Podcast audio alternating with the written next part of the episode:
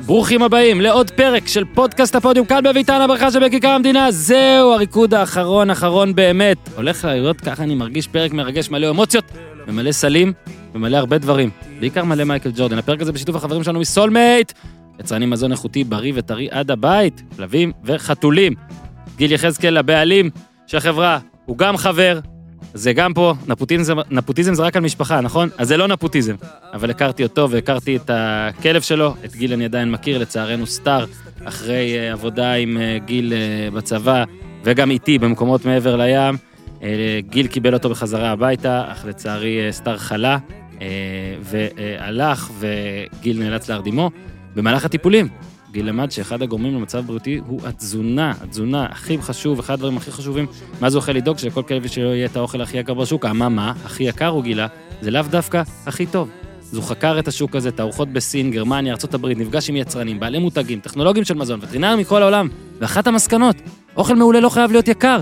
הרי אין נוסחה ייחודית של מתכוני המזון, ולכן, הבשורה של סולמייט, החברה שגיל יחזקאל הקים, אוכל מעולה לא חייב להיות יקר. עם סולמייט תחסכו ב-50% ברמת המזון האיכותי המקבילה בשוק. אנשים כבר הזמינו דרך הפודקאסט הזה, אני הזמנתי, הכלב שלי מאוד מאוד שמח, מזל שהוא לא מאזין עכשיו, הוא היה רוצה עוד. בקיצור, בעלי כלבים, חתולים שרוצים מזון, מזון, תראו איזה משפט קשה כתבתי לעצמי, מזון מזין בריא טרי. בסכומים שפויים, חפשו את סולמייט, S-O-U-L-M-A-T-E נקודה co.il, סולמייט, סמך למד, סמך וו, למה תגיד בעברית אני טועה איתי? סמך וו למד, מם יוד יוד טט, בגוגל, תכתבו את זה. או תתקשרו, כוכבית 6808 בטלפון, מאזיני הפודיום וחבריהם, בהזמנה הקישו קוד קופון 123, המספרים יענו. שמישהו בא אמר לי, כתב 123, א', ח', ט', לא, 123, המספרים, 1, 2, 3, קבלו שק חינם בקנייה הראשונה, החזר כספי מלא, עד כדי כך הם בטוחים שאתם תהיו מרוצים. איך אומרים הלקוחות החדשים? תודה שבאתם, אז תודה שבאתם, סולמייט, תודה רבה שבאתם אורי אוזן וניר צדוק, שהיו בפרק אתמול עלה, נכון? אז תאזינו גם לו, אה, מי שעוד לא האזין, יאללה. הריקוד האחרון, איתי, תן בראש. כן, אבל זה age, extra, extra large, my special from the United States of ארצות הברית. זה בור בלי תחתית, תל אביב, CPN, TLBC, כן. שמע, טלפז, אני סיימתי לפני חמש דקות. עשינו את זה אה, הכי טוב שיכול להיות בלי לתכנן. אני צפיתי פה אחרי הקלטת פרק אחר, בפרקים 9 ו-10 של הריקוד האחרון, שבאופן כרונולוגי עדיין קשה לי להגדיר את זה ב-sport documentaries שראיתי. זה גבוה מאוד, אולי אחי, נחכה לזה עוד קצת, אבל סיימתי עכשיו, ואתה סיימת לפני שעה, ולא דיברנו מילה בינינו, ולא צייצנו על זה, ולא כתבנו על זה טור. אני לפחות, גם אתה בטח לא. ואנחנו הולכים לדבר עכשיו כאילו נגמר משחק שבע באיזה גמר כלשהו, ומדברים על זה, אנחנו אוהבים כדורסל. כן, וזה, מה שיש. ו... וזה נתן, זה הייתה תחושה, הייתה לי תחושה כל הזמן שאני חייב לראות את זה קרוב, לא רק בגלל שאני ידעתי שאנחנו מקליטים פה את הפוד, Mm-hmm. אלא אני ממש חייב לראות את זה כמו live game, כי הייתה, הייתה אותה תחושה של כאילו לא יכול להיות שכולם ידעו מה הולך שם, ו, ואני אתעכב פה, אה, ולמרות שזה יום עבודה וזה, אז מזיזים דברים, וזה לא פשוט תמיד, אה, אז, אז תודה לכל מי שהבין. והיה לי קשה אפילו לקום בבוקר ואני פותח טוויטר ולפעמים ה trending שלי בטוויטר זה, ה... מהמם. זה מה שב trending בניו יורק. כן. ואז uh, פתאום אתה מתחיל להבין קצת uh, דברים, אז ככה ניסיתי לסגור את זה, אבל uh, וואו, היה, היה כיף, ו, וקיבלנו, אני שמח, אתה יודע, אחרי זה, ואפילו היה גם את הסוף שבוע של ערוץ הספורט עם המון המון תכנים, יש כבר כמה סלים שראיתי אותם כל כך הרבה בשעות, בימים האחרונים, שרציתי להגיע למצב של די, זהו, מספיק, באמת, כבר די, לא יכול לראות יותר, ואני מניח שזה יישאר לי לכמה ימים, התחושה הזאת, לא יותר. שמע, אני חושב שזה היה במרץ, וכשדיברנו שיש את העניין הזה, קורונה, מתפרץ, ו- ואני רוצה להמשיך להקליט, ואני לא, אין לי אקטואליה. אז uh, גם ביקשתי מאזינים, וגם מהחבר'ה הקבועים שלנו פה, uh, בואו נחשוב על כל מיני רעיונות. ואתה מיד מיד, אני לא זוכר אם זה היה, מתי זה היה, 12 במרץ, לא זוכר את התאריך, נבדוק אחרי זה בוואטסאפ. אמרת, אנחנו עושים פודקאסט על מייקל ג'ורדן, פרק מייקל ג'ורדן. ואז אתה אמרת, אה, אנחנו לא יכולים לעשות רק פרק אחד, בוא נעשה שניים. ואחרי סיימנו אחד, גילינו שגם שניים לא מספיק. אגב, אני, הקלטנו את השני בידיעה שזה השני. כן. הוא פשוט היה ארוך מדי. אז אמרנו נעשה שלושה.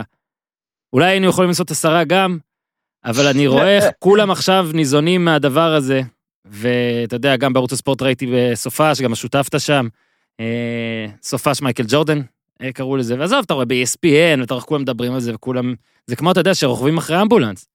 אז כולם, אה, הגב של מייקל ג'ורדן, ו... לגמרי. ואתה יודע, ראיתי גם מישהו, אה, אומרים, אה, פולחן אישיות, קוראים לזה פולחן אישיות. בוא, כאילו, תשמע, אם יש אישיות, מאז שנולדתי, שצריך לעשות לה פולחן, זה לדבר הזה. אבל מה שבאתי להגיד גם, איזה גדולה זה אתה, עזוב, זה באמת כל הקרדיט לך, על זה שאנחנו עשינו את זה קצת לפני שהסדרה יצאה. קיבלתי הרבה הודעות של אנשים שאומרים שהם רואים דברים בסדרה, ואשכרה הם נאמרו אצלנו.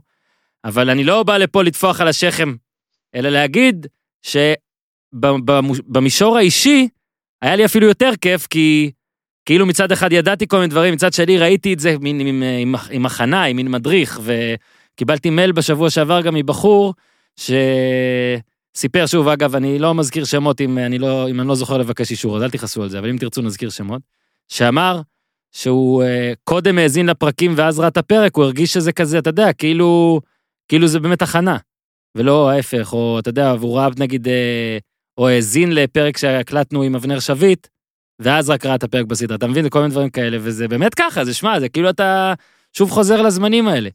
אז uh, קודם כל באמת, הסדרה הסתיימה עכשיו. מחשבות ראשוניות על פז. אז, אז עוד פעם, לפני שנגיע דווקא כן. לסדרה, אני אגיד לך בקטע האישי, שהיום זה היה לי הכי, הכי קטע, בשבילי, ממש. אותי היום זה ממש שם אותי על, על המגרש, אני הייתי שם בכמה מהסצנות, ועכשיו כבר אנחנו מקליטים את זה, ואנחנו יכולים לדבר על הדברים האלה. והיו שם סצנות שאני פשוט היום מצאתי את עצמי יושב ומוחא כפיים, כשהבמאי בחר להכניס את זה, וכאילו אני גם מבסוט, כי אני דיברתי על זה גם בפוד וגם בספר ב-98. כן. ו- וממש, זה, זה היו פה שלוש סצנות שממש הרגשתי שלקחו אותי אחורה 22 שנה. אחת, זה הסיפור של דניס רודמן, שדיברנו עליו בפודקאסט, ואיך, ואז כתבתי בספר ב-98 שאני לא מאמין שהלכנו עכשיו לאימון, ושאלנו את פיל ג'קסון, ו- ו- ויש סצנה הרי שיש איזה 50 עיתונאים על פיל כן. ג'קסון, ושואלים אותו איפה רודמן, והוא אומר, I don't know. ו- והקטע הרג אותי, איך הוא אומר, I don't know, איך יש לו אומץ לבוא ולעמוד מול עיתונאים ולהגיד, אני לא יודע איפה האיש כן. הזה. אחד השחקנים החשובים שלי. ואז, קטע אדיר שאני זוכר מיום למחרת, כי למחרת הרי הוא הגיע, או שזה היה בערב, זה כבר, אני לא זוכר את הפרט הזה, הוא הגיע לאימון שבא אחרי זה, כן, זה היה למחרת בבוקר. וכל העיתונאים היו, כשהמטרה באימון הזה הייתה, אוקיי, הבנו- כבר שהוא הלך לרסלינג, ל-NWO עם הלק הוגן, בסדר, אבל הוא חוזר כי יש יומיים, והוא יהיה באימון בוקר, ובוא נסתער עליו. וזה היה ברור, העיתונאים האמריקאים, הם מובילים תמיד, והבינלאומיים רצים אחריהם, ואנחנו עומדים שם בתוך האולם, ואז פתאום מתחילים עיתונאים לרוץ. ו- ואני אז רצתי איתם. חיפשתי אותך היה בפריים. מדהים, זה היה מדהים שפשוט היום קיבלנו את הזווית השנייה. הזווית של, וכשאתה נמצא ברגע כזה, שאתה פשוט, אתה רץ וצוחק. ואני זוכר שיצאנו החוצה, והאמריקאים מתחילים לקלל, ורואים את הג'יפ נוסע, ו- והיום ראיתי את אותו פריים. דרך הצוות ה- ה- ש- ש- שבעצם היה עם רודמן, ועם הבחור של הבוז שאומר, המטרה שלנו זה להבריח אותו מתוך השלוש מאות עיתונאים כן. האלה, והם הצליחו. אז זו היה סצנה אחת. והסצנה השנייה זה מייקל אה, במסיבת העיתונאים אומר, it was kind of cute, על הרגע הזה, אחרי שהוא מחטיא שם את הזריקה האחרונה בגיים 5, וכשכולם חושבים שהוא יבוא עם איזה קצת עצבני, והנה יכולנו to clinch it ולסגור עניין, ופתאום אה, אה, הוא בא והוא אומר קיוט, ואני זוכר שאז ממש אה, גירדתי בראש, מה, איך זה יכול להיות?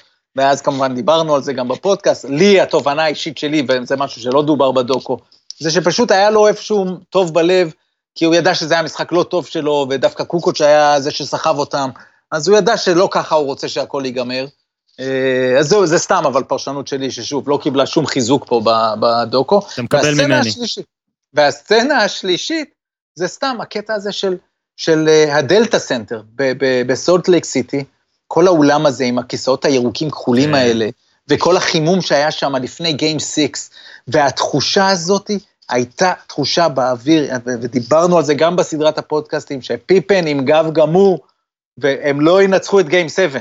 ואתה רואה אבל את כל ה... כל פעם שראיתי את האטמים באוזניים, אני זוכר שהם כל הזמן דיברו על זה, ואני לא הבנתי, מה הם כל... כאילו, זה באמת היה מרעיש, אבל זה לא היה יותר מרעיש ממה שאנחנו מכירים מאירופה. אבל בארצות הברית זה היה אחד הרועשים. ו- וכל זה החזיר אותי, אז בקטע האישי, לי היה פה אה, אה, משהו, אה, ששוב, באמת, אני, אני מודה לכל מי שצריך להודות שזה יצא לי, לחוות את זה אז, ופשוט לראות את זה עכשיו, תענוג, לחזור אחורה. זה מדהים כמה שבאמת זה מחזיר אותך אחורה גם לרגעים של עצמך, ולי לא יצא להיות שם, הייתי בן 15, אתה יודע מה, אני הכי הכי זוכר, חוץ מכמובן המשחק האחרון נגד יוטה והסיקוונס האחרון, עוד נדבר עליו, את, ה... את רג'י מילר קולע משחק 4 את השלשה הזאת כשהוא דוחף את מייקל ככה, ושוב, אני חושב שכן דיברנו על זה בפודקאסט, אני לא אחפור על זה יותר מדי, אבל זה מדהים כאילו שאני באמת זוכר את החדר בו ראיתי את זה, את, ה, את השעה, מה היה בחוץ בחלון, זאת אומרת, אני עכשיו מסתכל כן. בחלון, אוקיי? ורוב, והטלוויזיה הייתה קצת הצידה, ולא זכרתי שפיפן החטיא שתי זריקות עונשין, זה כן. ראו בדוקו, ואז אמרתי לעצמי, תבין שהמהלך הכי גדול של רג'י מילר, בסדר, היה לו את נגד ספייק לי וזה, אבל אתה יודע, מהלך כזה אמיתי, לנצח משחק נגד, אחרי שהוא דוחף את מייקל, כן, והכל עדיין לא היה מתאפשר אם פיפן נגיד קולע את שתיהם, זה היה נגיד להערכה. ואגב, אני זוכר ששמחתי כשפיפן קלע. ואתה יודע, דחפו אותו, נגיד אומרים מייקל ג'ורדן דחף את ראסל, זה, הנה פיפן, אה, מילר דחף אותו. ואז אמר, אני חוזר למה שאמרתי לפני כמה דקות. תבין מה מייקל ג'ורדן עושה לאנשים, עזוב עכשיו שהוא מוסיף רייטינג לכל פודקאסט ולכל סדרה כן, ולכל ערוץ. כן. הוא גרם לכל יריב שלא לקח אליפות, למין איזה ולידיישן כזה, זאת אומרת, מילר לא לקח אליפות, אבל יש לו את זה, וליואינג יש את הרגעים שלו נגדו, ולמלון יש את הרגעים, ולברקלי יש את הגמר הזה, ולדרקסלר יש את הגמר הזה, עזוב, דרקסלר גם זכה, אבל... שמע, זה... שוב, אני כל הזמן חוזר על אה, לנסוע אחרי אמבולנס. הבן אדם, אמנם הרס לאנשים טבעות, אבל תשמע, הוא מרים, הרים ענף שלם למעלה. באמת, הרים אותו הוא לגמרי. שווה, הוא, הוא שווה לכל השחקנים של היום אה, עשרות ומאות מיליוני דולרים, זה חד משמעית. לגמרי. זה, דיוויד סטרן סיכם את זה שם, אה, היינו ב-92 עם 85 מדינות, ואחרי זה, והנה, הנה אני מערוץ הספורט, אז הייתי שליח מעריב. מהמם. שליח מעריב, עוד פעם, זה נכון, אז היה לי מספיק שכל לממן בעצמי, כי למעריב עדיין לא היה את התקציב, את הרצון לממן הכל, אבל מימנו לי קצת ונתנו לי את, ה- את הקרדיטציה, ו... אבל, אבל הנה, שליח מעריב הבין שכדאי להיות שם ב-98. שמע, ו... זה מדהים. וזה, וזה הסיפור, זה הסיפור, זה שם את הליגה, אם מג'יק ולארי עשו את הקפיצה הראשונה, מאוד חשובה, בתוך ארצות הברית, ועם הנגיעות לחו"ל, בא מייקל ג'ורדן ושם את הליגה איפה שהיא, ואני, דבר שאני אגיד עכשיו רק שחשוב, ואני זוכר ב-98, כולם שיגעו אותי, אחרי הקיץ הזה. ברמת החברים, המשפחה, היינו צוחקים תמיד, נו, כבר אנשים ניגשים, נו, שאלו אותך כבר מה יהיה עם מייקל, כי הרי היה חצי שנה המתנה. כן. עד, לה, עד שהוא הודיע, בגלל שהיה שביתה, הייתה שביתה, אז הוא ידע כן. כבר באוקטובר שהוא פורש, אבל הוא לא יכל להגיד כלום, כי הכל היה מושבת. חצי שנה, יפרוש, לא יפרוש, והליגה לא תהיה אותו, אותו דבר, ולא יהיה זה. ואני זוכר שאז הייתה לי תחושה שיהיה בסדר, ושיש מספיק עכשיו, יש גרנט וקובי וטים דנקן, וזה לא יהיה אחד, לא יהיה יורש למייקל, כמה שניסו לחפש. ו... וזה באמת היה נכון, והיה רצוע, שקיל אוניל, רצועה שלמה של שחקנים מעולים, ואחרי זה גם עוד לברון הגיע, ו... ועוד כוכבים, ו- וזהו, אתה, אתה באמת, אה, אה, הליגה ב- בידיים מצוינות, ומייקל אמר את זה, גם אז אחרי הפרישה שלו בוושינגטון, ו... וזה באמת התברר כנכון, אבל מה שהוא עשה ל-NBA, אף אחד לא עשה, וכנראה גם לא יעשה. שמע, זאת, אה, זאת סדרה, זה, זה פרק על הסדרה, ופחות הוא כאילו פרק עליו, אבל כמו שהסדרה הזאת, כאילו בהתחלה ניסו להציג אותה על סדרה על שיקגו, ברור זו סדרה על ג'ורדן, והוא בעצם פרש עוד פעם עכשיו בעיניי, אתה מבין? ככה אני מרגיש. כן, כן. ותמיד יש לי ריקנות אחרי סדרות ענקיות וגדולות, וזאת אמנם הייתה עשרה פרקים, לא איזה שש עונות של משהו, אבל שוב, זה עשרה פרקים על, אה, על שש עונות. וזה ממש מרגיש לי כמו המון, כאילו, כן אני מרגיש ריקנות עכשיו, וכשהוא פרש במדי וושינגטון הייתי בצבא, ובצבא לא ידעתי שום דבר עם מה שקורה. וכשהוא פרש בפעם הראשונה הייתי בן עשר, אז לא כזה הרגשתי את זה. למעשה זאת, או הפרישה, זאת הפרישה השנייה הכי מבאסת שלו, בעיניי. לך ואגב. ואגב, כן. זה קלוס ללהיות ראשונה, אני סתם לא נעים לי להיות פרובוקטיבי מדי. אז אה, בעצם היו לו שלוש פרישות, כן? היה לו את ה-93, 98, 2003 עם, ה... נכון. עם, עם וושינגטון, שאגב, בסוף השבוע האחרון, אתה, אתה יודע, וזה מדהים, לא זכרתי שאני שידרתי את המשחק האחרון שלו. ופתאום וואו. ראיתי את זה בקטע של ערוץ הספורט, ולא סתם ששידרתי את זה, הפרשן היה פיני גרשון, היה לו איזה, היו לו. איזה שנתיים, שלוש. היילס. אה, ופשוט לא זכרתי, ואני רואה את המשחק, וקודם כל, אגב, מרגש ברמות, המשחק האחרון שלו. מה שהקהל שם בפילי, We want Mike, הם צועקים מולו, We want Mike, והוא נכנס, ותחשוב, הוא הולך, עושים עליו בכוונה פאול, וזה אחרי שכל הזמן צועקים, והוא מחייך שם על הספסל, והוא הולך, ואני חושב לעצמי, אוקיי, הוא הולך עכשיו, יש לו שתי זריקות עונשין, שזהו, זה אין יותר קריירת כדורסל. אתה, אני, ועוד 99% מבני האדם היינו מחטיאים אחד וצוחקים. מייקל כמובן קלע את שתי הזריקות האלו, וכמו גדול. אז סתם, זה, זה היה את הפרישה הזו, ועכשיו יש את מה שאתה מתאר, שזה סוג של פרישה נוספת uh, ממייקל, אבל אני כל כך שמח, אני חושב שזה כל כך נכון לדור, לכל הדור הצעיר. שמעתי את דני אבדיה מדבר עם כספי, ובעצם הוא אומר, אני, אני, לא, אני, לא, אני לא ילד של מייקל, אני נולדתי בזמן שהוא כבר היה בוושינגטון. כן. ו... אבל, אבל הוא פתאום, ואז כאילו כספי שואל אותו, ו- ונראה לך שהוא הכי גדול, ופתאום דני אומר, אני חושב שכן, אני רואה את כל הדברים שהוא עושה. זאת אומרת, זה היה כל כך חשוב שזה יהיה שם, ולא עוד פעם בשביל הדיון הזה הכי גדול, בסדר, יש הרבה גדולים, ו- ולא, ו- ואולי ניכנס לזה קצת, אבל uh, באמת זה היה חשוב כדי להבין את כל הסצנה, את כל הסיפור הזה של, של ה-NBA בשנות ה-80, בשנות ה-90, וזה הכנה מעולה, זה הקרקע שעליה נבנה, נב- נבנתה הליגה של, של תחילת האלפיים ותחילת העשור, וכמובן עשור אחרי. אני רוצה להגיד אבל עוד דבר, נכון, תמיד אנחנו אומרים, הספורט האמריקאי, בימים רגילים, כן, הוא הרי מנוהל כספורט אמריקאי, כשמסתכלים עליו מלמעלה, זה הכי נכון, זה הכי גאוני, כי יש לך את ה-NBA בעונה שלו, ויש את הפוטבול עם העונה שלו, ויש את הבייסבול עם הזמן שלו, ו, ושלושת הגדולים, בוא נגיד, בוא נגיד את זה ככה, ותמיד הם, הם, אה, הסינכרון הזה עובד, שלאוהד תמיד יהיה את השיא, את ההכנה, ו- ואף פעם הוא לא יישאר בלי ספורט. ואני מקווה שאולי יצא טיימינג טוב, שהנה, באה הסדרה הזו, מילאה איזשהו חלל, ואני מקווה מאוד ששבוע הבא, כשכבר יום ראשון יגיע ואין כבר את הסדרה, כבר נתחיל לקבל הודעות ו- ו- על, על תאריכים. כן, זאת אומרת, watch, הנה, כאילו, יש אה, watch. דיונים לקראת זה אופטימיות, אתה נכון. יודע, שוב, כמו שאמרת, באמריקאית, או אבנר שביט אמר את זה, כן. שיש להם את הסאבטקסט הזה של של כאילו, ידיעה עדינה היא מאוד מאוד חזקה. נכון, נכון. אז קודם כל, קודם כל בייסבול אה, כאילו כבר יותר מתקדם, למרות שהם מאוד תקועים שם עם השחקנים לחזרה, אז, אז בייסבול שיחזור, ושה-NBA אה, יודיע כבר שכאילו נדע יותר בעוד שבוע, זה יהיה טיימינג אה, יפה מאוד. עכשיו, אז, אה, אנחנו, עמית כתב, אגב, אמרת, אה, אנשים שלא היו, אז באמת, גם יש, אתה יודע, אח שלי, יש, יש אנשים צעירים שלא יצא להם לראות, ואני כן חושב שזה, ברור שזה פיינל קאט, ערוך לטובתו וכל הדברים האלה, ובטח כשאתה עושה סדרה על בן אדם, אז אתה רואה הרבה, הרבה יותר את הטוב, לא שהיה חסר טוב, אבל אתה רואה הרבה יותר טוב מרע והכל. אני, אבל עמית למשל כתב אצלו בפייסבוק, עמית שלנו, כאחד שנולד אחרי הריקוד האחרון ולא חווה את התקופה, הסדרה גורמת לך להרגיש שייך. וזה באמת ככה, ו, ואני גם חושב שלאנשים, שוב, אני אומר, תעזוב את הדיון, בעיניי אין דיון, אבל לא משנה.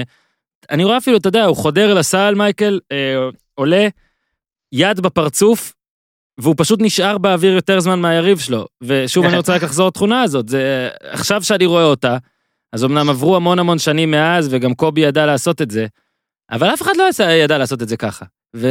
ואלה דברים שאתה אומר, וואלה, עברו מלא שנים, ולרוב לרוב ספורט תמיד צריך, יש אבולוציה, הכל צריך להתקדם, אבל היה פה, כמו שיש מדי פעם בעולם, יש כמה פריקים כאלה שב-98 הם משחקים כמו שגם ב-2038 לא ישחקו. זה קורה נכון. בטח, זה סטייה, זה, זה, זה טעות אולי אפילו. אבל כן. זה היה מדהים לראות, את הכדורסל. עכשיו, אני רוצה שנתחיל לדבר קצת תכלס על 9-10, ואז גם אם צריך נלך אחורה, כן. הכל מותר. אני רק שוב רוצה לעשות כמו שאבנר ואתה עשיתם טוב בפעם האחרונה שנתכנסנו, ו- ובאמת, להג... אלה שנגיד באו בתלונות על דברים שחסרים מהצילומים של פעם או הכל, אני מקווה שהם ראו את פרקים 9 ו-10 ומוחקים ציוצים. ו...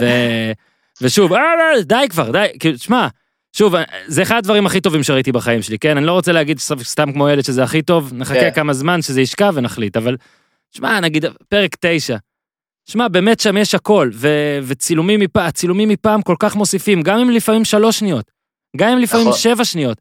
נכון. והעריכה המדהימה הזאת, ושוב, נכון, קל יותר לערוך, וקל יותר לביים, וקל יותר להיות מרואיין שמדבר על תקופה שלך עם מייקל ג'ורדן, כי זה fucking מייקל ג'ורדן. אוקיי, אבל אתה רואה מה הוא עושה, אין, פשוט עבודה מדהימה. עבודה מדהימה. עבודה, אני, אני מסכים, עבודה, עבודת עריכה, בימוי, אדירה.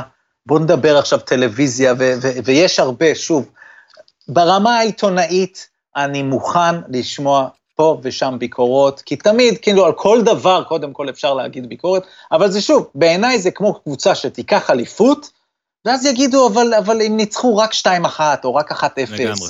וכאילו, אבל אליפות גדולה, לא סתם אליפות. עכשיו, עכשיו, אז ברמה העיתונאית, כן, אין ספק, חסר, יש חסר, חוסרים, היה אפשר להיכנס לעומק של כמה דברים יותר, אבל, אבל שוב, זה, זה בסדר, קיבלנו מתנה, כל העולם חיכה לראות כל דבר. עכשיו בוא נחזור, בוא ניכנס רגע לניתוח של הדברים כן, אז- המקצועיים. מהמם. לא רק הכדורסל, אלא באמת מבחינת בימוי, מבחינת עריכה, איך, איך, בני, איך הוא בונה את הפרק של סטיב קר. וואו. ולמה הוא בונה את הפרק הזה של סטיב קר? כי הוא יודע, יש לי בסוף את הרגע הזה שהוא מנצח את הסדרת גמר של, של, 96, של 97. אז לפני זה אני אספר את הסיפור של סטיב קר, ואני אביא את התמונה שלו מ-71, ואת הסיפור של האבא, והם מראיינים את האימא עם צוות שלם, וכל הזמן אני מדמיין את הסצנה, הוא מראיין הרי את הילדים של ג'ורדן. תחשוב על זה, וזה, וזה קרדיט למפיקים שאומרים, קח תקציב. כי הוא, יש לו שם כמה אנשים, לדעתי ג'סטין טימברלייק בכל הסדרה, משפט. הוא ראיין, משפט.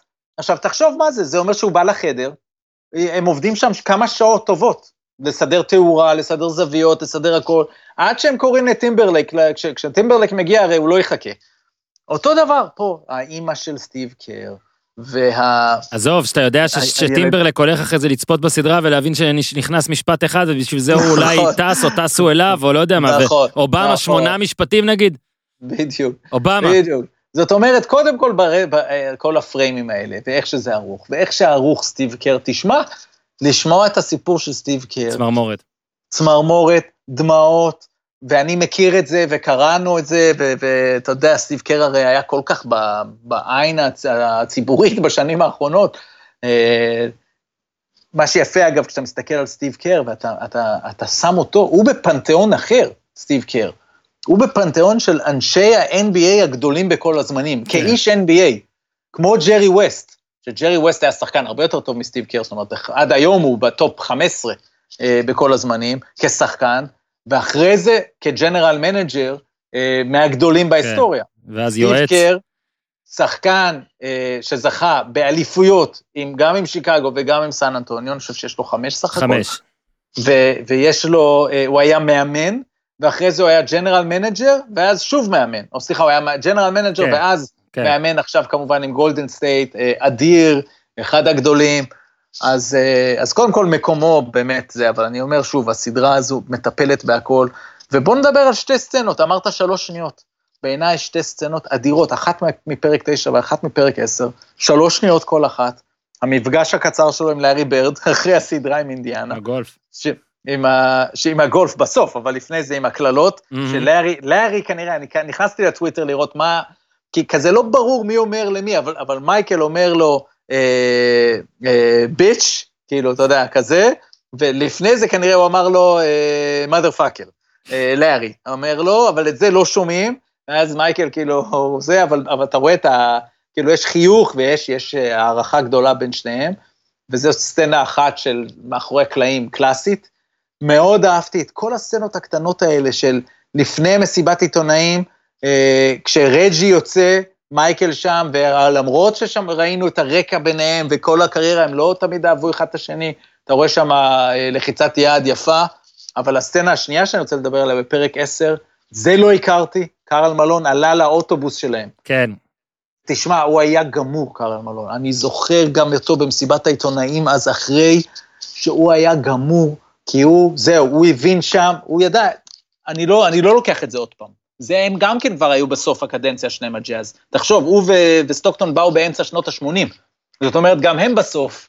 והוא יודע, לי פה, היו לי פה שתי הזדמנויות, ושתיהן לקח ממני האיש הזה, מה זה לקח? ליטרלי לקח, הוא לקח לי את כן, הכדור. באחרונה הוא לקח לקח. כן, והוא עולה לאוטובוס, ו- וזה מדהים. זה מדהים, אתה משווה את זה לפיסטונס, שאפילו לא לחצו ידיים על הפרקט, ואתה אומר, וואו. ונוספה לי פה הערכה של אה, באמת אה, לקרל מלון, אה, להוריד את הכובע, גם לבמאי שהביא את הדברים האלו, ותענוג. שמע, הקטע באמת, ועל שבע לא יצאנו לדבר, אבל בשבע כבר התחילו, אתה יודע, עם הקטע של מה, שהוא, מה שעושים לו ואיך שהוא שואב מזה מוטיבציה, ג'ורדן. והפרק התשיעי באמת התחיל מזה, עם מילר, עם סיפור של, אתה יודע, של הבלק ג'יזוס, עם המחצית ומחצית, אה, וכבר אז, שמע, התחלתי לחשוב את זה כבר קודם, ואז אתה מבין, בגלל שהוא גם כזה גדול וכל זה, אז באמת לכולם יש את ה catch phrase הזה עליו, לכולם יש איזה punch line, לכולם יש פה, לכולם יש שם, וזה, שוב, זה שוב, אתה יכול להסתכל על זה מהצד, להגיד פולחן אישיות, פולחן אישיות. בן אדם גדול מהחיים, אז מה, מה שקורה איתו, זה גם גדול מהחיים. עכשיו, באמת לראות את אה, סטוקטון, קראתי אגב שסטוקטון לא יהיה ב... שחשבו שהוא לא יהיה, אבל אה, הוא כן היה, אולי אמרו את זה על מלון, אבל גם לראות את סטוקטון, אה, במיוחד חשבתי עליך בשלשה, כי אז גם אני כן, הייתי אוהד כן, אה, יוסטון, ונשברתי, ותשמע, החסימה של מלון, חסימה נאה לגמרי. מה זה, הוא לקח שני אנשים, דורש, עזוב אותך. עכשיו. שראיתי את זה שוב, עוד יותר התעצבנתי. אה. למרות שהיה אפשר להיות יותר חכם, אבל בסדר. נכון, נכון, נכון. אה, סטוקטון אגב עכשיו נראה באמת כמו דמות מ Better Call Saul כזה, כאילו דמות כזה שביעית או שמינית כזה, לא פשוט מטורף. על ראסל דיברנו על זה בפוד, נכון. איזה יופי הם עשו את זה שם. אה, הם ממש נתנו עכשיו את הזוויות של ה flu game להראות שזה food poisoning. כן. ומה שהיה יפה לי לראות בק...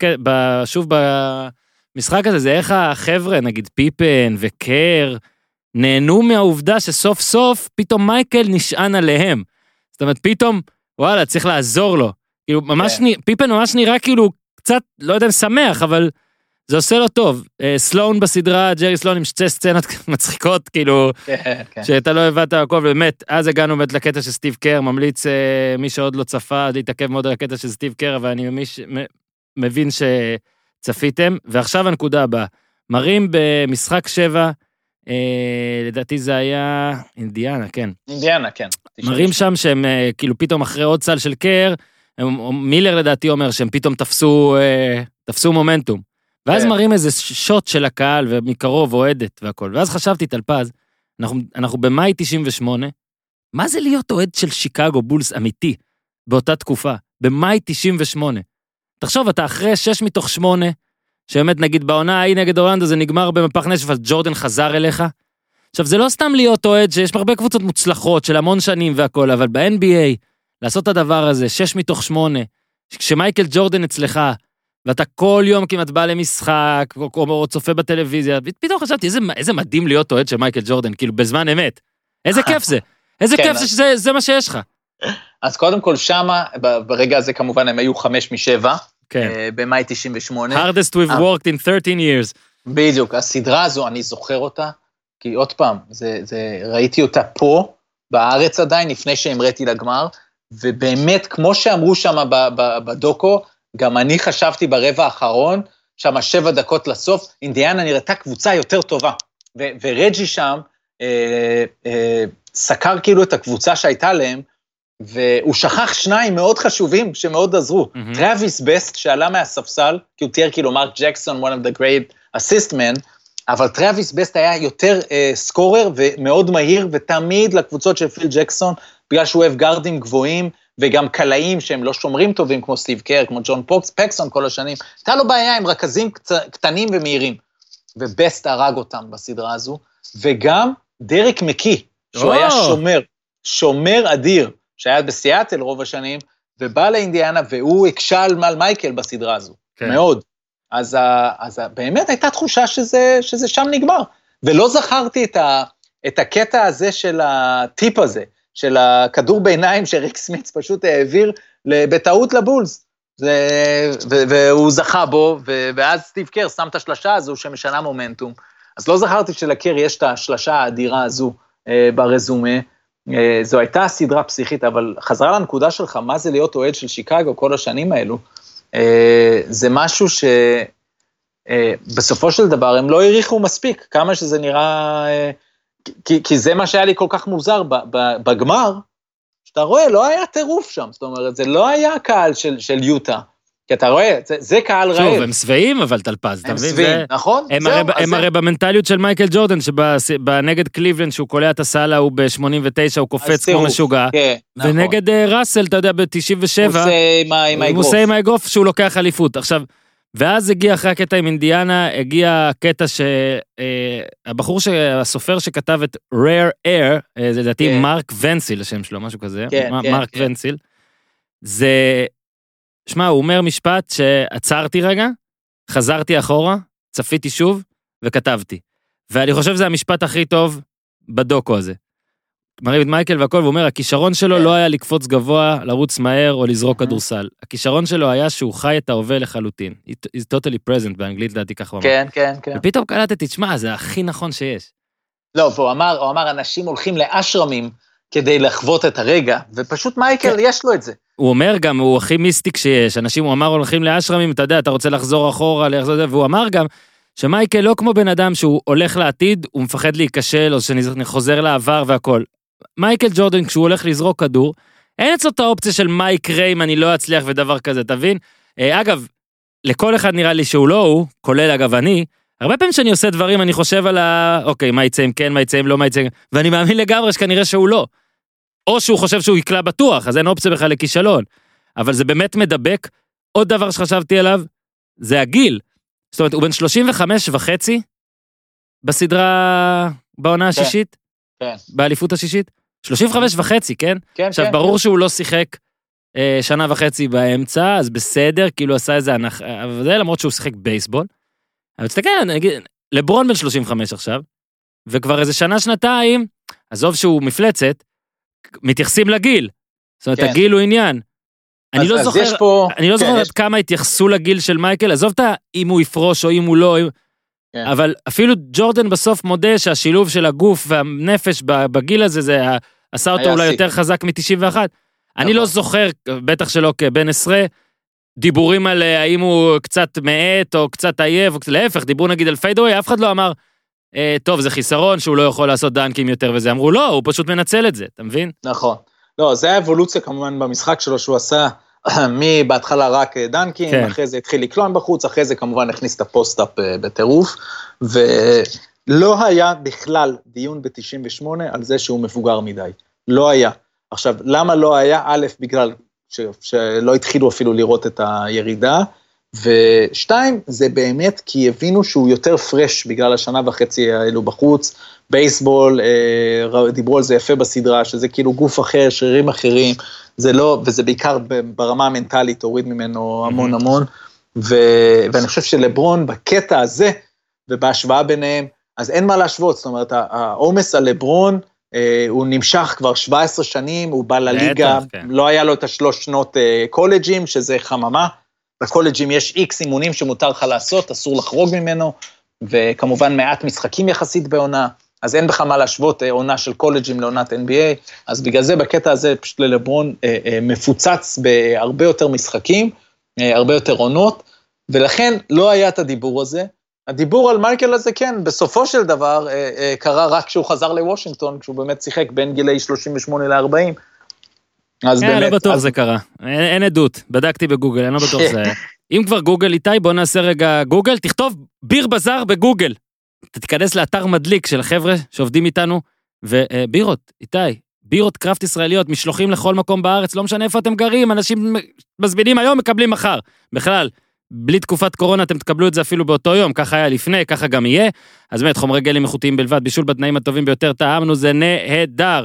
אני שוב מספר שאני עשיתי, יש לנו מארז של הפודיום, אצל, באתר של ביר בזאר, אתם יכולים להזמין 8 או 12 אה, בירות, ואני בחרתי את הבירות, אם מישהו לא אוהב את ההמלצות שלי, או לא חושב שהטעם שלו, הטעם שלי טוב, אז א', הוא טועה, ב', הוא יכול להזמין כל מארז שהוא רוצה, אבל לכל מאזיני הפודיום, אוקיי? גם למי שממש אוהב את חתול שמן, אחלה בירה, וגם למי שלא אוהב את חתול שמן, מה יש לו? כל אחד יכול להזמין איזה מאוס שהוא רוצה, שמים קוד קופון הפודיום, ה', פ', ו', ד', י', ו', מ', הפודיום, ויש לכם 10% הנחה, משלוח חינם, אז יאללה, ביר בזאר מארזים, תעשו טוב, הנחה, משלוח חינם, דמיינו שאורי אוזן אומר שנתון, ולחיים, תזמינו, זה טוב, זה טעים, מי שחושב שלא, שיגיד, אין, אף אחד לא אמר, סבבה, בסדר.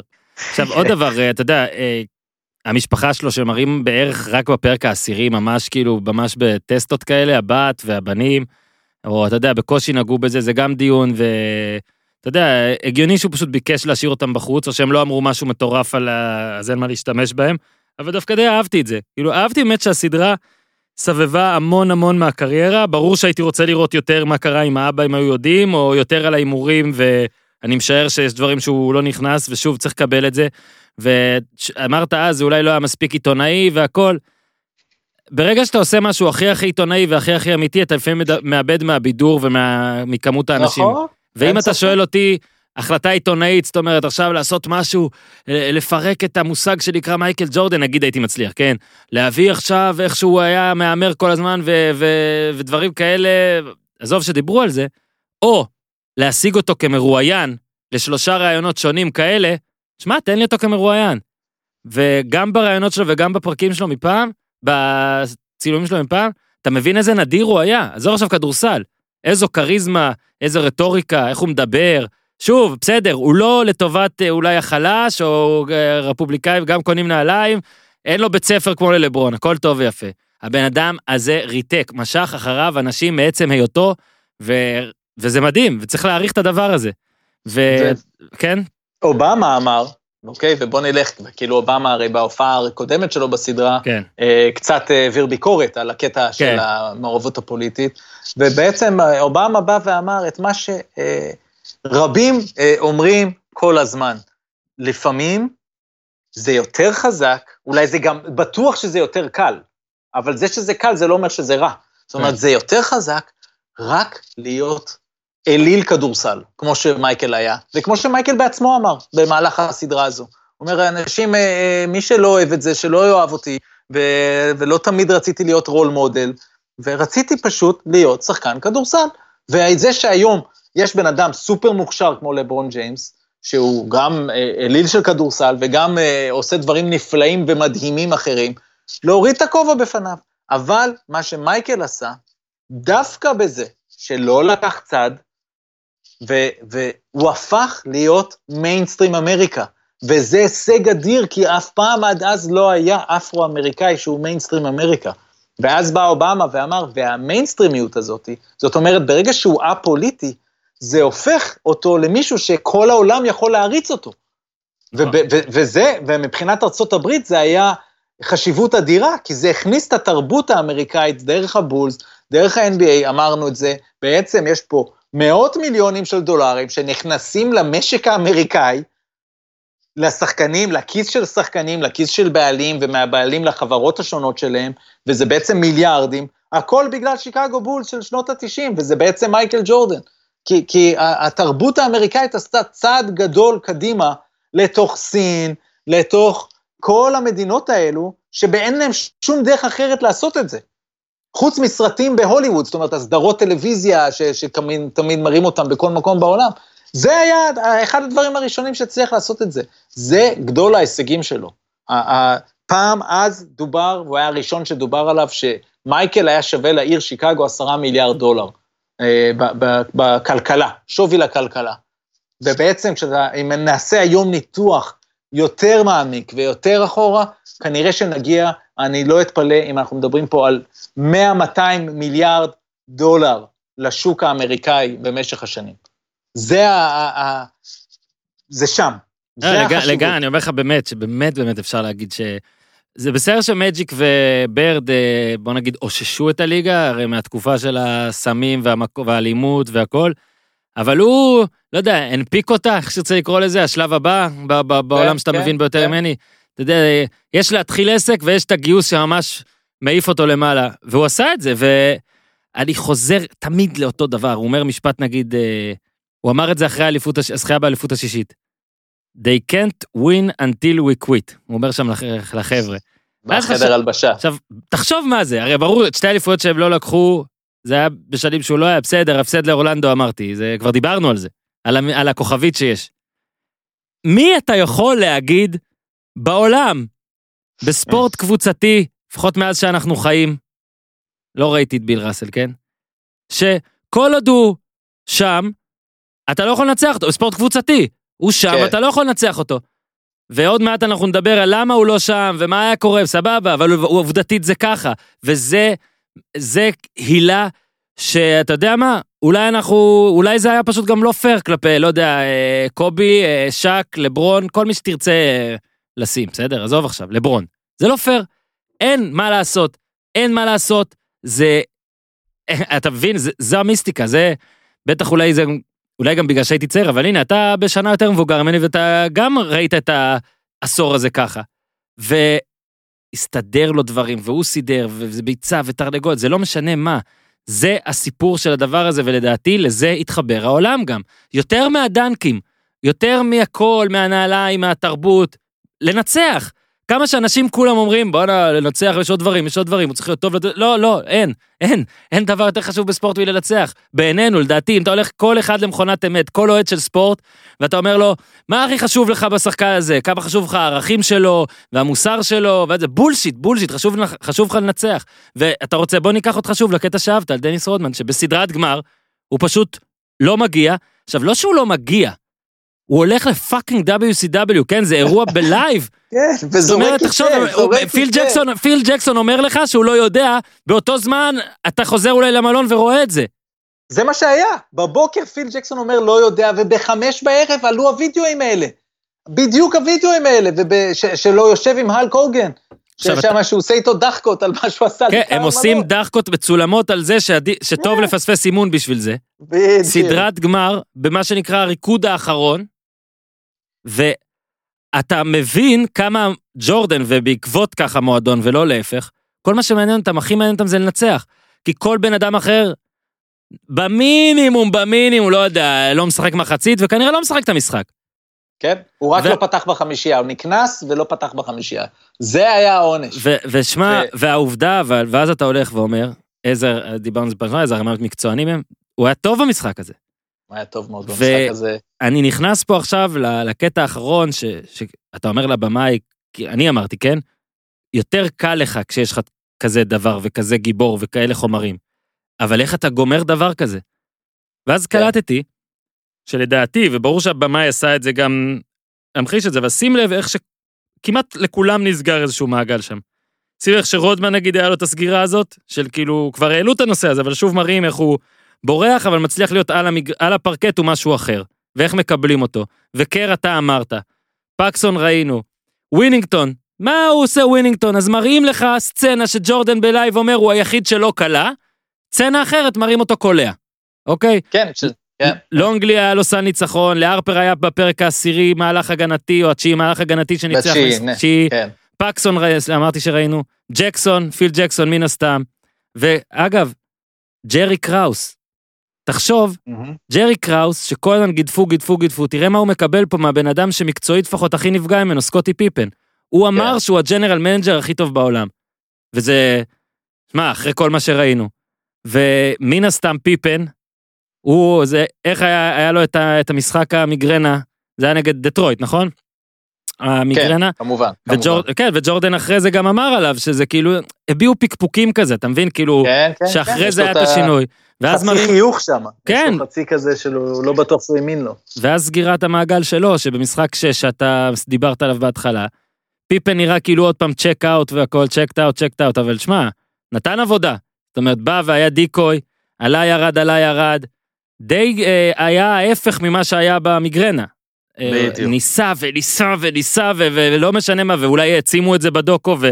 אבל תשמע, ג'ורדן סגר לכולם מעגלים, הם סגרו עצמם לא יודע מה, ואז אתה פה אמרת את זה כבר על. המשחק שלו, הרי היו להם, ותתקן אותי, לפני המשחק, לפני הסדרת גמר הזאת, היו להם שתי סדרות גמר שנגמרו בעקבות מהלכים מכריעים. אוקיי, פקסון וקר. ולג'ורדן בסדרת גמר, במשחק אחרון, היה, הוא היה צריך רגע כזה, אבל הוא לא הולך עם רגע.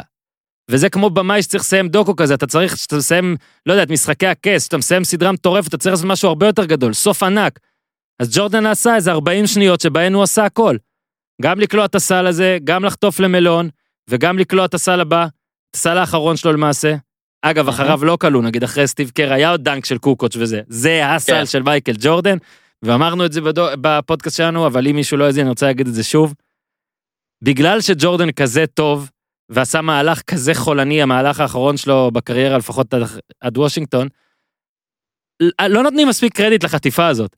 ונגיד, לברון נגד גולדן סטייט, המהלך של הסדרה היה הבלוק שלו על איגודלה, אבל פשוט לא היה לו משהו אחר. זאת אומרת, לג'ורדן היה עוד מהלך אחרי המהלך הזה, ועכשיו שראיתי אותו מסביר על המהלך הזה, אתה מבין מה זה גדולה. שהוא אומר, ראיתי כמה פעמים את זה, ראיתי שהם רבו כל הזמן, אבל מלון לא ראה שאני ב weak side שלו. ואיזה מודעות זאת. וה, ואתה רואה על, על ג'ורדן שהוא אומר, "אין, אני בא ונותן זפטה, ואתה פשוט מקווה הרי שזה לא יפגע לו בכפות ידיים. שזפטה תפגע רק בכדור. וזה בעיניי, אין, המהלך הזה הוא בעיניי יותר מדהים מהסל שלו האחרון. באמת, פשוט מדהים. אז, אז, אז יש פה כמה דברים מאוד יפים. קודם כל, את המכה הזאת שהוא נותן לכדור, הוא נתן גם לצ'ארלי סמית מהמם. ב-93. מהמם. אותה מכה נקייה על הכדור. אבל שים לב לגדולה הזאת של מייקל, אה, יש משהו, הוא אמר את זה אז, זה אני זוכר עכשיו, אני אומר לך, מהמם. יושב פה, מדבר איתך, זוכר בחדר העיתונאים, מסיבת העיתונאים, אחרי משחק 6, והסצנה ב-NBA אחרי גמר היא דווקא שהחדר הוא יחסית ריק מעיתונאים. כי כל העיתונאים רצים בין השמפניות, הם לא יודעים איפה... ודווקא הייתה שם סצנה שמייקל מגיע לחדר מסיבת עיתונאים, והיינו יחסית, זה מה שאני לפחות זוכר, מעט עיתונאים, ואני שאלתי אותו שתי שאלות, ואני כבר לא זוכר מה שאלתי אותו, אבל אני זוכר אותו מתאר את הסיקוונס הזה, ואתה פשוט מבין שכשהוא ראה קודם את מלון אה, מקבל את זה, הוא לא סתם, הוא לא הלך לעשות את החטיפה שתי דקות לסוף משחק שמלון קיבל את הכדור, כי הוא רצה לשמור את זה. זאת אומרת, יש לו שפן בכיס והוא ישלוף אותו כשצריך. לא מספיק קרדיט נותנים למייקל, ויש את, גם את מה שמתארים שנה קודם, ודיברנו על זה בפודקאסט, שאיך שהוא אומר לסטיב קר, הוא ידע שסטוקטון יבוא, כי סטוקטון בא במשחק ארבע, ו- ועשה דאבל טים מוצלח, וניצח את משחק ארבע באותה סדרה, מהמם. ואז מייקל ידע שהוא יבוא עוד פעם לדאבל טים, זאת אומרת, חוכמת המשחק של מייקל היא עצומה, והוא שלף את החטיפה הזו ברגע השיא, ו... וזה אחד. ושתיים, שהם לא לקחו טיימאוט, ועכשיו הוא מתאר, ואז במסיבת העיתונאים הוא סיפר איך הכל נהיה לו איטי יותר, ואנחנו מכירים את המשפטים האלה, כי קובי גם אמר אותם אחרי זה, כי קובי היה אצל פיל ג'קסון, וגם קובי תמיד ניסה לחקות את מייקל, ואני מניח שגם אה, יש, אה, התודעה הזו ישבה גם אצלו. זאת אומרת, זה רמה של כוכבים שהכל יותר לאט בשבילם, הם בתוך הזן הזה, בתוך ה moment, כמו שהוא תיאר, והוא פשוט בתוך ה moment, ולא אכפת לו עכשיו שיש את ה... ש... זאת אומרת, הוא מסתכל על פיל, וברגע שפיל לא אומר לו לקחת time-out, אין בעיה, אני סבבה עם זה לגמרי. והכי יפה, זה מסכם את מה שאתה אמרת. דניס רודמן, זה משפט גם, דניס רודמן, אנחנו רואים פה שהבחור מבין כדורסל. והוא אמר, אני ידעתי שלא קר ולא פיפן, לא fucking קר ולא fucking פיפן, מייקל לוקח את הזריקה הזו.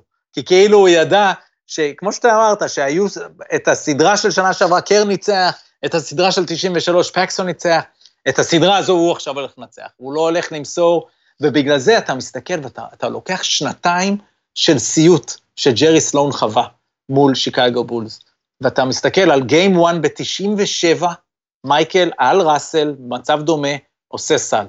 אחרי זה מגיעים double team ים. מגיע double team ב game 4, מוצלח. מגיע double team ב game 6, לא מוצלח.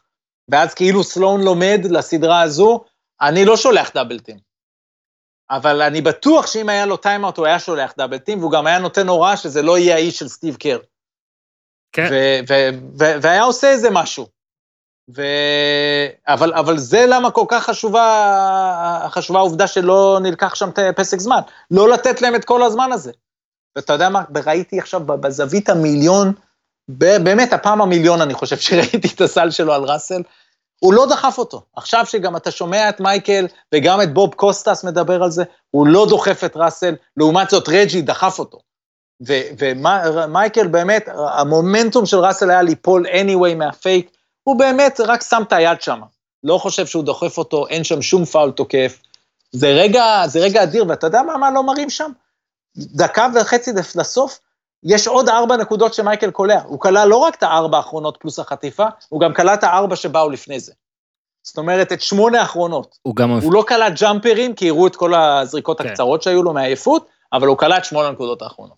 גם מראים כמה... הוא מדבר על זה שהוא יכול לבחור או לפרוץ לסל, מה שהוא עשה 40 שניות קודם, או לזרוק ג'אמפ, ואתה אומר באמת, כאילו, יש פה שני סופים, הרי בכל זריקה מנצחת יש שני סופים, נגיד בממד מקביל. כאילו בממד אחד זה נכנס, בממד המקביל זה לא. אצל ג'ורדן נראה לי שני ממדים יש פה, אחד זה שהוא קולע ככה על ראסל, והשני שהוא נכנס וקולע. אתה מבין? אין איזה כן. ממד כן, שג'ורדן מחטיא. ואני באמת מאמין שלא משנה מה הוא היה בוחר, הוא, הוא היה עושה את זה. ואני באמת מאמין שיש פה, אתה יודע, מדע וכל... יש פה קצת מעבר כנראה בבן אדם הזה. ו- וזה דבק. לא סתם קר קלע ככה, ו- ופקסון קלע ככה, אתה רואה כל הזמן שהוא היה צריך אחרים, כמעט כל הזמן הם היו שם. קל להגיד נגיד שיש שם כאלה שחקנים, ובכלל שאתה אומר ב nineties היו הרבה שחקנים שהיום לא מצליחים לשחק, בלה בלה בלה בלה בלה. אז הם הצליחו, וג'ורדן נתן להם את האפשרות לשחק. ואני רוצה לקחת אותך אה, ל... לפני שרגע נסכם, את הקטע של סצנות הסיום. מייקל ג'ורדן בעצם מספר, או מראה לך שמה שלפחות אני חשבתי כבר שלושה ארבעה שבועות, כל הזמן אמרתי, "אה, איך פירקו אותם? זאת אומרת, סבבה, עם כל הכבוד ללפרוש כן, בשיא כן. והכל, הרי ראינו שג'ורדן חזר. ואם ג'ורדן חזר זה קצת מוזר, הוא יפרוש פעמיים בשיא, כאילו כמה זה הרצון שלו. וביל סימונס גם הקריא טור שהוא כתב, אה, לא יודע מתי, על זה שלמה מייקל ג'ורדן, אה, כאילו ההוכחה שהוא לא, הוא לא רצה לפרוש, פשוט אף קבוצה לא הצליחה להסתדר עם השכר, או עם ה... כאילו אף קבוצה מבין הקונטנדריות, הוא לא היה הולך הרי ללא קונטנדרית, ואתה רואה בדוקו, שריינסדוף אומר שאי אפשר היה כלכלית להצדיק את זה, וקראוס בטח היה על פיל, למרות שריינסדוף הציע לפיל להמשיך. ואז אתה בעצם חושב, רגע, תקשיב, עם כל, עם כל המחמאות לג'רי קראוס ולריינסדוף ולכולם, הם, הם, הם הרי רצו לעשות בנייה של שנתיים שלוש והכל, אתה אומר, שמע, הם פירקו את השושלת הכי גדולה אי פעם, שאתה לא יכול להגיד, עם כל הכבוד לזה שקראו לזה הריקוד האחרון וכולם לא סבלו אחד את השני וזה, בטח בעונה של חצי שנה, אתה לא יכול להגיד, וואלה, אין מצב שהם לוקחים עוד פעם. בטח במצב של ה-NBA אז. לא יודע. ולך תדע אם זה מה שככה מן איזה הקרמה מחזירה, כי שיקגו בולס עדיין בבנייה, ואנחנו ב-2020. בדיוק. זה 22 שנה שהם לא הגיעו לגמר, אה, כמובן שכמה מאז, קודם ו- גם, אתה מבין? ורוב השנים בתוך ה-22 שנים האלה הם לא טובים, אוקיי? היה להם את הקטע של דריק רוז שם. לכמה שנים טובות, זהו. וזהו. ואז זה לגמרי הקרמה, ואין ספק שהם פירקו, וגם כשאתה מסתכל בדיעבד עם הש- עם ההשבתה של העונה הבאה, הרי העונה מקוצרת, זה מה? שאמרתי, זה כן. מנוחה לזקנים. מנוחה, לזקנים שכבר מחוברים ומכירים, להם יש את הכימיה הכי טובה. ואני כן מאמין למייקל שאם אה, הם היו מתחילים להחתים אותם, אז גם פיפן, כמה שהוא שנא את, אה, את קראוס ואת זה, כן, לעוד עם חצי פיל, שנה. עם כולם שם, הוא היה, הוא היה חותם. אבל גם אני, אני, אני אגיד פה שני דברים. אני חושב שריינסדורף אה, מתגלה, תראה, כל השנים ריינסדורף תמיד היה אומר, הוא היה מאוד אוהב את הפרסונה, הוא אוהב את עצמו, כן? אגו גבוה גדול מאוד לבעלים, זה הגיוני. של שתי קבוצות. והוא מאוד אהב את היכולת שלו, כמעט תמיד הוא החתים שחקנים מתחת לשוק, לשווי השוק שלהם. והוא היה מחתים אותם על אחוזים ארוכי טווח, והוא היה אומר להם בפנים, אני נותן לך פה הרבה, אל תבוא אליי אחרי זה לבקש אה, לבכות. אה, רק מייקל בשנים האחרונות, כל פעם שנה אחת הוא החתים אותו על 30 מיליון דולר. פתאום ההקפצה הזאת, שכאילו אז מי חלם בכלל על הסכומים האלה, וכולם אמרו, זה בסדר. גם ריינסדורף הבין שזה שווה לו 100 מיליון דולר. כן. אז עכשיו, מה אני לא מבין? אני לא מבין את האמירה הזו של ריינסדורף, ואני לא מאמין לה. שהוא אמר, אה, אם הייתי צריך עכשיו לשלם לכל אחד מהם, אז הייתי משלם להם מעל המרקט ואליו. נכון, היית משלם להם מעל שווי השוק של סטיב קר ורודמן, ומייקל בטוח זה לא מעל, כי אין מעל, וכל אחד, פיל ג'קסון היה צריך לשלם לו, אם הוא שילם לו אז שישה מיליון, שזה היה הכי הרבה אי פעם למאמן, אז הוא היה צריך לשלם לו שמונה מיליון כדי להחזיר אותו לעוד שנה. אבל, אבל זה שטויות, שווי הקבוצה עלה בכל כך הרבה בכל השנים האלה, הוא היה רו, רווחי אה, תפעולית אה, כל השנים האלה, אז יאללה, שנה אחת, תן אותה. אז, אז מה אני זה לא גם, מאמין... אתה יודע, מה אתה, תקשיב, אתה חושב על כסף, מה, אתה, אתה אוקלאומה סיטי? בדיוק. כאילו של עכשיו התחיל ואתה אומר, או, אני לא צריך. להחזיק, עוד שנה אחת נגיד עם הדבר הזה, מה, מי אומר לזה לא? זה פשוט מטורף. נכון, נכון, והוא בכל זאת אמר לזה לא, לדעתי, כי הוא ממש חשב עסקית, וזה דילמות שאני כן יכול להבין, אם אתה בכיסא הזה, אתה תמיד אומר, אוקיי, יש את הרגש כאוהד, אוקיי, לא מעניין כלום, אני משלם להם הכל, ווואלה, איזה...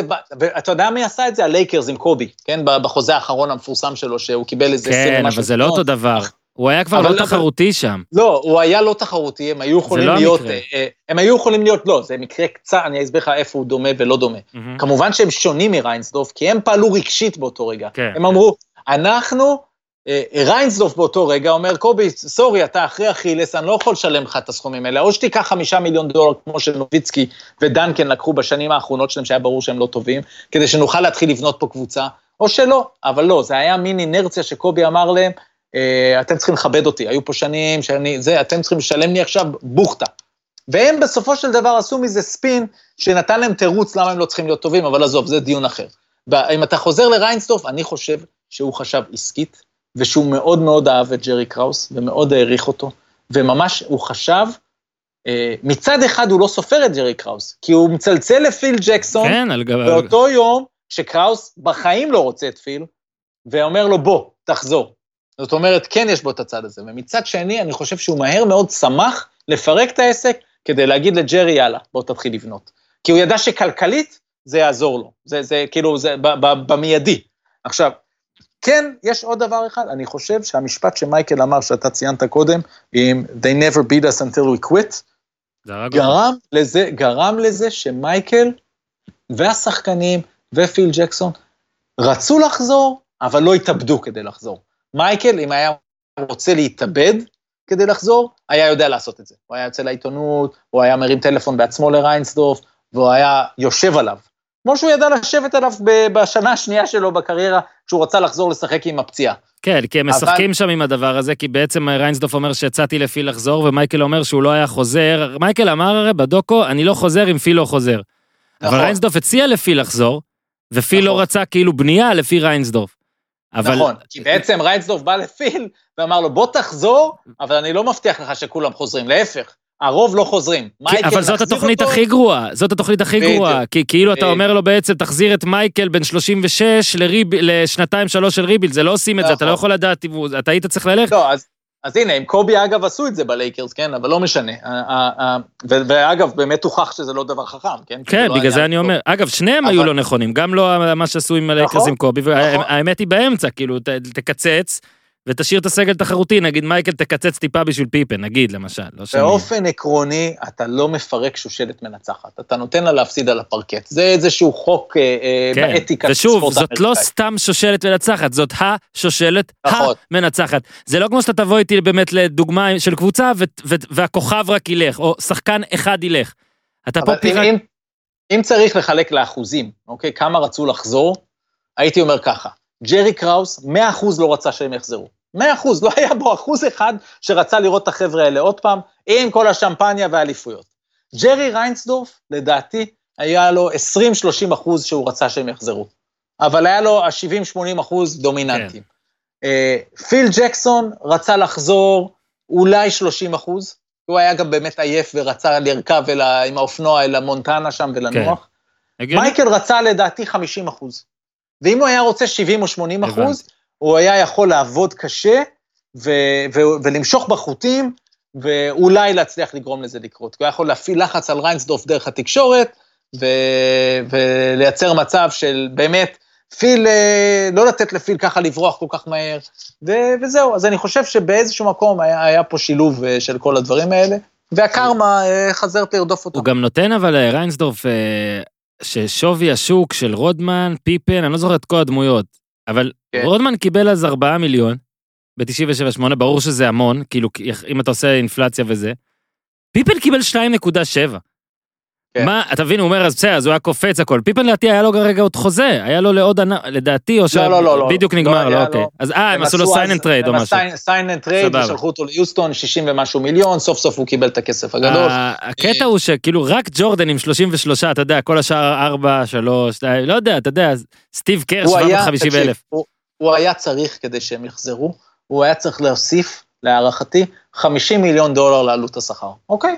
זה 50 מיליון דולר. זה כלום, בסדר? זה כלום כשאתה מסתכל על ה... על ה זו קבוצה עם בטח רווח תפעולי באותם שנים של 15 עד 30 מיליון דולר, מהמם. אבל רווח הרבה יותר גדול בשווי המ- המניה, כן? בשווי כן. הקבוצה. זאת אומרת, כל אליפות כזו שווה להם 100-200 מיליון דולר בשווי שלהם. ואז אז מה, אז, אז ברור שאתה עושה את זה, אבל הוא לא ראה את זה ככה, הוא לא ראה, הוא פחד.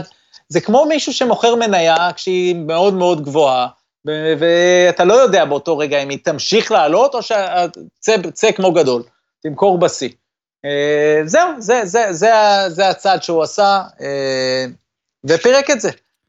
ובואו נדבר עכשיו נושא אחרון, אה, קודם כל, שוב, על הסדרה, כל דבר זה, אם יש לך מה להוסיף, ברור שתגיד. אני באמת אהבתי שם הכל. אני אהבתי, אמרתי, את הבימוי, את העריכה, את המוזיקה, את המעבר בזמנים שלאנשים, אני מבין שיש כמה אנשים שמספרים זה קשה להם, ואני מבין אותם. כי מי שלא באמת חי את זה במינימום, או עכשיו מבין בזה, לפעמים קצת, אה, רגע, איפה אני, איפה אני? אבל נכון. אני, אני באמת אהבתי איך שהם משתמשים בעבר כדי לחזור ל-98, להראות איך כל נקודה איך התקדמה. אהבתי את היחס עם המאבטחים, את הסיפור על אה, גס, או גס קראו לה? כן, כן, כן, כן. ג'ורג' אד- החבר הטוב, וגס. סיפור אדיר, ו... כן. שוב, אני אגיד לך את האמת, אני התכוננתי המון לפני הפרק, הפרקים איתך, זאת אומרת שאני חושב שאני יודע יותר מ- מהבן אדם הממוצע, והיה לי המון חדש. המון חדש. גם בדברים שידעתי לגמרי היה לי המון חדש, ואני חושב שצריך לסיים ב... במשפט שג'ורדן אמר לפני שהדוקו התחיל. יצא, יצא הציטוט שלו שהוא אמר, People will think I'm a horrible guy. אני חושב שזה משפט ממש ממש לא נכון. אני לא יודע אם הוא אמר אותו כדי להרים כאילו וואי זה יהיה נורא ואז אה, יגרום לנו אולי ברור, להתאהב. ברור, אבל שהוא אמר אבל את זה. אם הוא זה- עשה את זה, אז עליי זה עבד. ואני אהבתי אותו לפני זה, למרות שסיפרתי שבליגה לא, ב... כשראיתי, לא רציתי שהוא ינצח, רציתי שאחרים ינצחו אותו כן. והכל, אבל אהבתי לראות אותו, ואני לא חושב שאני יכול לאהוב אותו יותר משאני אוהב מישהו, ספורטאי. זאת אומרת, הדוג הזה גרם לי בכלל, אתה יודע, שוב, ואני יודע שזה ערוך ומופק, וכל הבולשיט הזה, אבל אין, אי אפשר לאהוב את מייקל ג'ורדן יותר מאיך שאני אוהב אותו עכשיו. באמת. אז קודם כל זה היה צעד שיווקי חכם מאוד של מייקל. אה, ושוב, בין אם זה היה יועצים שאמרו לו לעשות את זה, או שהוא, שוב, הציניות אה, תצא, וגם על הסיפור של גס, אני בטוח שאנשים יגידו שהכניסו את זה אחרי שכאילו היו כמה פרקים שהראו צדדים רעים באישיות שלו, אז רצו להראות צדדים אחרים באישיות שלו, ו- וגס, הדמות האב, החולה, ומייקל הביא לו את הכדור של המשחק. אז, אז ברור שיגידו שהכניסו את זה כדי לסגור יפה, וכי המשפחה עומדת מאחורי זה, וזה מייקל וה, והאנשים שלו. אה, אוקיי, אז, אז אמרו, יאמרו את זה, וכנראה צודקים. אבל אנחנו, שוב, יש את הציניות הזו בכל העולם, אני חושב שבישראל היא יותר גדולה. אוקיי? לצערי, כן, לא, אולי- אגב, שתדע לך, גם ב... הרי ב Sports Illustrated כתבו, ועוד... לא, ברור, ברור. הכל טוב, גם מותר, מותר, מותר לכל בן אדם שתהיה לו דעה, גם אם נכון. היא אידיוטית, הכל טוב. נכון. הרבה פעמים גם לי יש דעה אידיוטית. אל תשכח שכל החברות האחרות מתחרות על אותה תשומת הלב של האוהד הספורט האמריקאי בתקופה קשה כמו הקורונה. Sports Illustrated עם חשבון, בגלל שמייקל הוא משוגע וזוכר להם כן. את השער משנת 94, אז זה חשבון של 26 שנה. מהמם. והוא נשאר, זאת אומרת, אין סולחה, לא הייתה סולחה כל השנים. היום ספורט אילוסטרייטד זה ארגון אה, הרבה אה, שונה מהותית, ברמה הניהולית, קרו שם דברים, ובעלים חדשים, לא משנה. אה, אה, ולמרות כל זה, הם וגם CBS היו אנטי, ואני בטוח שיש הרבה שרוצים להיות אנטי, כי הם חושבים שזה יביא להם קליקים, או גם כי יש את הציניות הזאת. פה בארץ, גם כשלוקחים את ששת הימים, אז יש ציניות, אוקיי? זה לא, לא משנה איזה ניצחון יש. אז, אז, אז תמיד יגידו ותמיד יבואו ותמיד זה, וגם הם צודקים, אבל למה צריך ללכת לשם? כאילו, בוא נהנה ממה שקיבלנו. קיבלנו אה, את, ה, את המעיים ואת הקרביים של האיש הזה, באמת קיבלנו את זה, ומי שחסר לו, אין בעיה. קחו, לכו לאמזון, אם יש לכם קינדל או אין לכם קינדל, קחו את הספר The Jordan Rules של סאם סמית, זה הספר השלילי, היחיד אגב, שיש על מייקל, גם הוא אגב לא כולו שלילי, וסאם סמית בעצמו אמר כמה פעמים במהלך השנים שהוא לא הבין למה הייתה כזו סערה נגד, זה פשוט הציג את התחרותיות הזו, אבל יחד עם הבולי הזה, אוקיי? הוא בולי היה כלפי שחקנים בקבוצה שלו, ו... וזהו. ו- לא יודע, ובתור- אני, אתה סיפרת לי על הרבה, עוד לא קראתי את הספר, אתה סיפרת לי המון ממנו, ובדוקו ראינו המון קטעים עליו, ולא יודע, זה, זה גורם לי להעריך את ג'ורדן עוד יותר. אמיתי. כאילו, אני, אני פה, אני נשמע פה כמו מעודדת, אבל אני, קודם כל אני מאוד אוהב את ה-bad guys, לכאורה bad guys, כן? אבל אני כן. חושב שצריך את האנשים האלה, ואני מעדיף את האנשים האלה על פני האנשים הלא אכפתיים. אתה מבין? הרי... אני אגיד לך, אני האדישים. מבין מה שאתה אומר. כן, אני מבין מה שאתה אומר. זה נכנס ל... ל יש את הוויכוח של האם מנהל אה, על חייב להיות גם מישהו שרודה באנשים. עכשיו, התשובה היא לא, הוא לא, לא זה חייב. לפי גם העובדים, אני לא יודע, אתה יודע. זה גם לפי העובדים, אבל לא, וזה גם לפי הבן אדם הזה. זאת אומרת, אה, אה, סטיב ג'ובס היה רודה, אוקיי? היה כזה. ו, וביל גייטס לא היה. אוקיי, הוא לא היה איש קל, אבל הוא לא היה. וטום בריידי לא היה. ויש דוגמאות לכאן ולכאן. אה, אני לא צריך לבוא ולהגיד עכשיו, חייבים להיות מנהל מהסוג של מייקל ג'ורדן כדי להצליח. אבל מייקל ג'ורדן, כדי להצליח, זו הדרך היחידה שיש לו. הוא לא, אה, אה, כנראה, הוא, הוא, זה האיש, זה איש פשוט, תחרותי מגיל צעיר, שככה הוא הרגיש שהוא יעשה את זה. לא, הוא לא פיל ג'קסון שיודע לתת להם ספרים כדי לתת להם השראה, או ל- ל- לעשות מעגל שכל אחד יכתוב וזה יישרף אחרי זה בסצנה שסטיב קר תיאר, אה, מרגשת אה, מאוד. הוא, כל אחד מביא את מה שיש לו. מייקל, החבילה הזו של, של כל סט התכונות שלו, זה האיש, וקיבלנו את זה בסדרה לגמרי.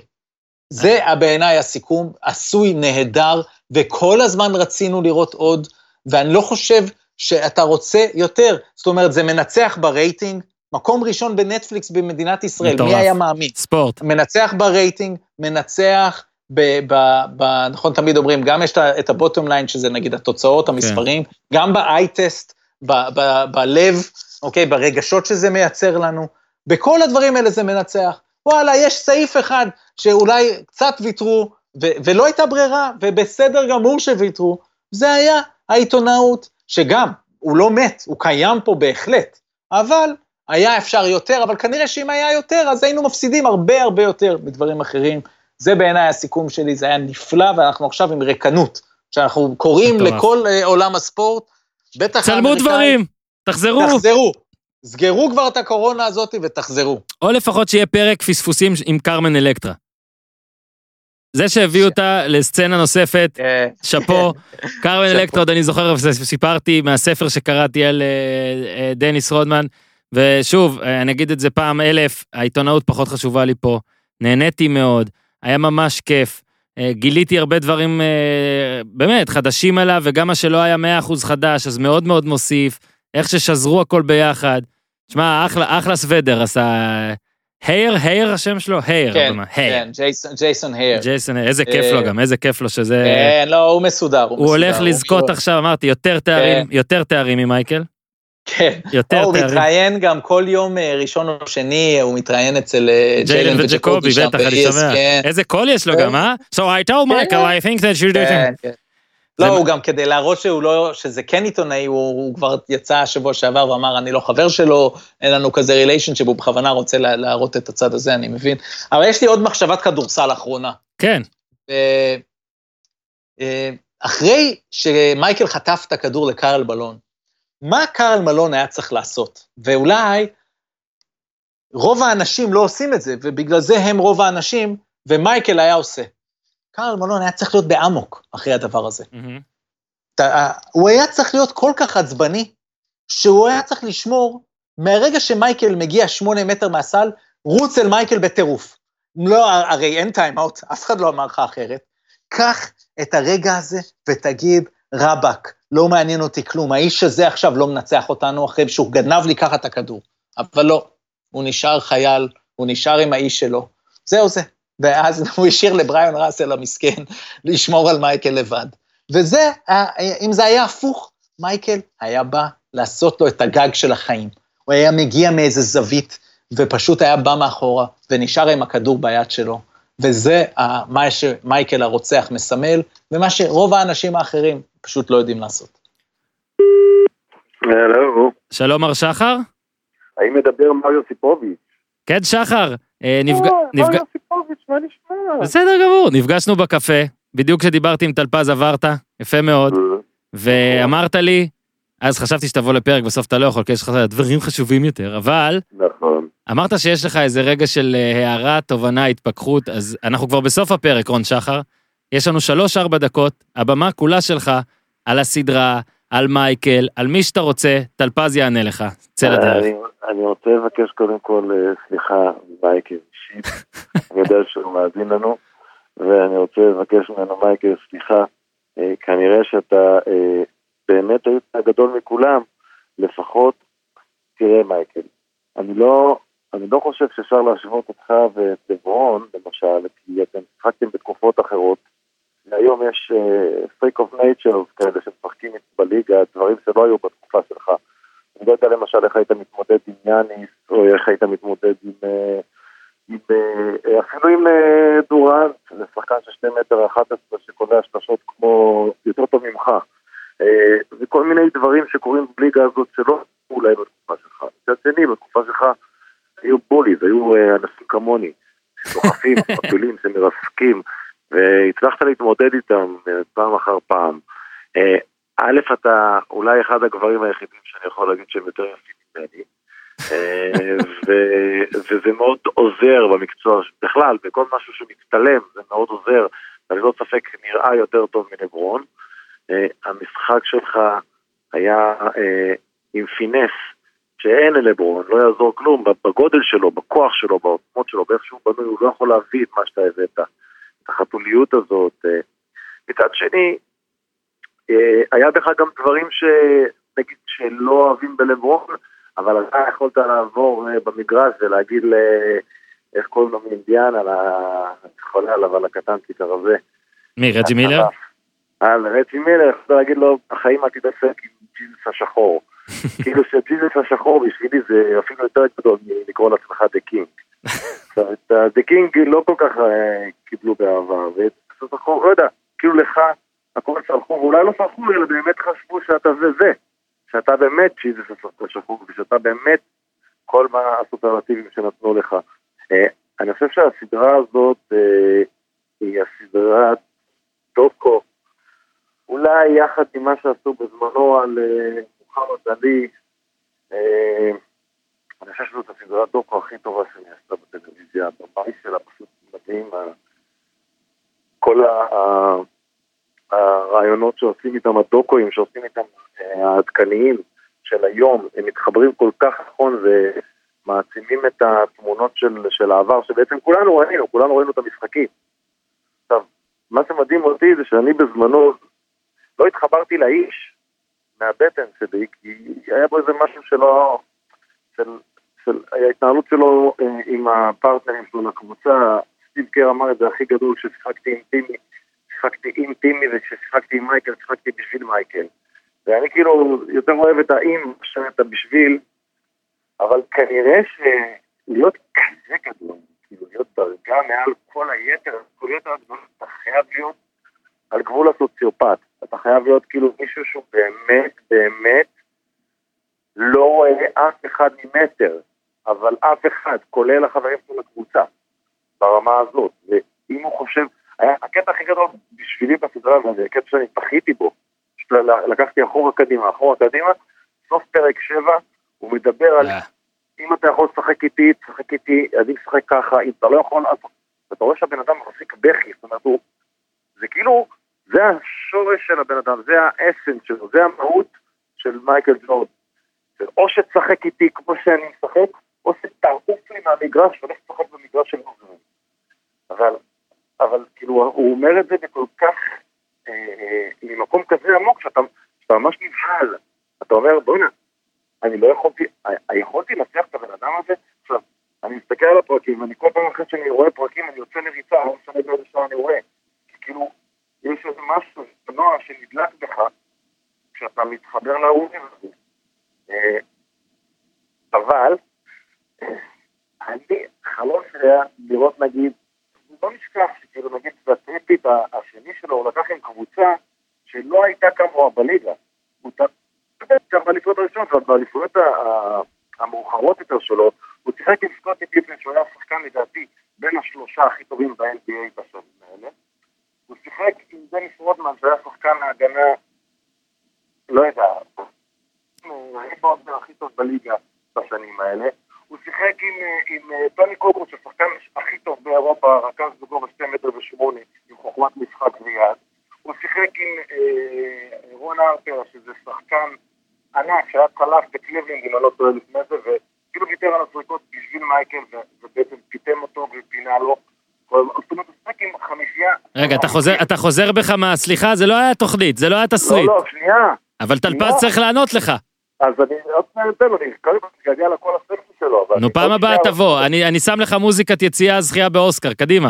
רגע, אז, אז, אז אני רוצה, אני רק מנסה לדמיין את לברון בספר משחק עם הקבוצה הזאת במקום מייקל, אם אני שוטר לו אותו שם, האם הם גם עושים טריפית? אני חושב שכן, אולי אפילו יותר, אבל זה לא משנה את העובדה שהוא באמת, כל האריזה הזאת, המייקל ג'ורדנית, היופי החיצוני, הווינריות, הקילריות, הגוט הזה, ה-go to guy הזה ברגע האחרון, זה שפיפן אומר בפ- בפרק 10, כאילו, מה, מה רצית, מה חשבת שיקרה? מה רצית לעשות? הוא אומר, מה זאת אומרת? לעוף פה מהדרך. get the fuck out of the way. פשוט to get the fuck out of it, בדיוק. כן. זה אותו דבר שרוטמן אומר, מה חשבתם? למי ילך הכדור? לצלף? הוא ייתן למישהו את הכדור הזה? מה פתאום? זה שלו.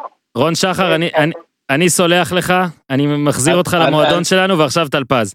אני אה, לא צריך לסלוח כי לא כעסתי, אני מכבד את אה, מועדון לברון ואת אה, כל המועדונים שיש, זה באמת תקופות שונות, ובואו נגיע לסוף הקריירה של לברון, וכבר אמרתי כמה פעמים, ואני חושב שביל סימונס אמר את זה בארצות הברית, ואז זה מאוד, לברון בטוח יהיה עם הקריירת הכדורסל הכי גדולה אי מהמם. פעם, לא חושב שהוא אה, יוכל להיחשב כשחקן כדורסל יותר טוב ממייקל ג'ורדן, כמה הוא היה לוקח עם שיקגו בולס הזו, הוא היה בטוח לוקח כמה אליפויות, אני לא יודע אם שש, אבל אני שמח שראית את כל זה, וככה זה, זה שם לך את, ה, את התמונה מול, ה, מול הפנים, ואני חייב לרוץ, היה תענוג, אה, אני, בוא, בוא נגיד תודה אחד לשני, ובעיקר למייקל ג'ורדן, תודה. שאני חייב לו תודה של איזה 30 שנה בערך. אז תודה למייקל ג'ורדן. רון, אה, מילים אחרונות ותבוא שבוע הבא? אני ונייקי אומרים תודה רבה למייקל ג'ורדן, אה, וכמובן לטלפז, וגם לך יוסיפוביץ' על הטלפון. תודה רבה, תודה רבה. יאללה, נתראה בקרוב, אתה צריך לבוא לפה, איתי מתגעגע. ירון, תודה ירון. יאללה. אני מבטיח. לכם שאתם יודעים מה אני הולך לעשות עוד פעם? נו, לרוץ. לראות את הסדרה הזאת מההתחלה. יאללה, בכיף, כיף- להיות שחקן. טלפז ואני לא נחזור. לעבוד. יאללה, ביי. ביי. אז אה, תודה רבה לטלפז, תודה רבה לרון שחר, באמת תודה לג'ייסון ההיר ולכל מי שאחראי לדבר הזה, ותודה רבה באמת למייקל ג'ורדן שסחב אה, לדעתי ועדיין סוחב עולם מסוים על הגב, אם זה כדורסל, ספורט בכלל, את, אה, את התרבות, את המעמד של הספורטאי. אתה יודע, גם בין המיעוטים, איך שתרצו לקרוא לזה היום, את, אה, סחב את פיפן, סחב את פיל ג'קסון, אין מה לעשות, סחב את קראוס, סחב את ריינסדורף, סחב את קר, סחב את פקסון, סחב את רודמן. קוקוץ'. באמת סחב את כולם, בעיקר סחב אותנו, סחף אותנו. אז תודה, אה, באמת, אדירה, באסה שנגמר, אני ריק לגמרי, תעשו טוב. break.